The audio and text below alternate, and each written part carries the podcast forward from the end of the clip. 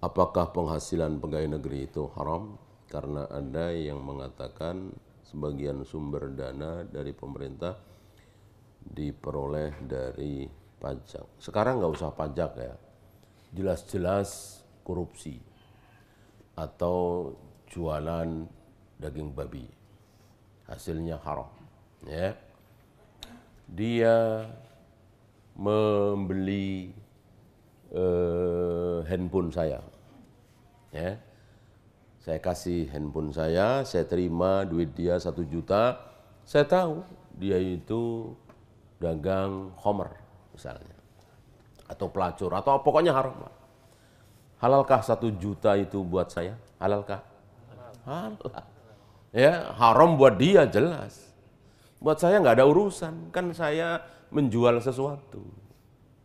Duit itu apalagi sekarang kan cuma kertas. Iya kan? Yang haram itu perbuatannya dan kenikmatan yang dia dapati dari perbuatan itu.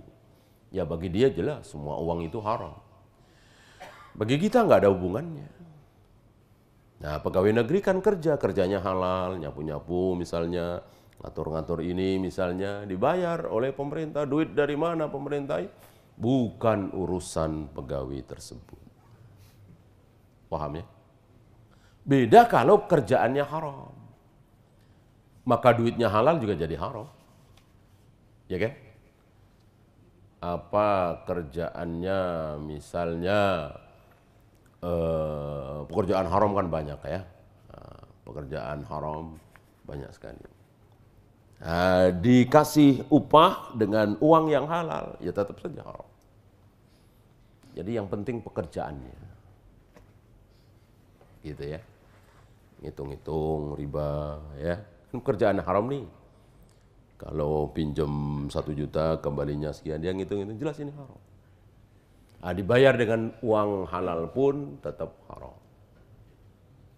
Paham ya?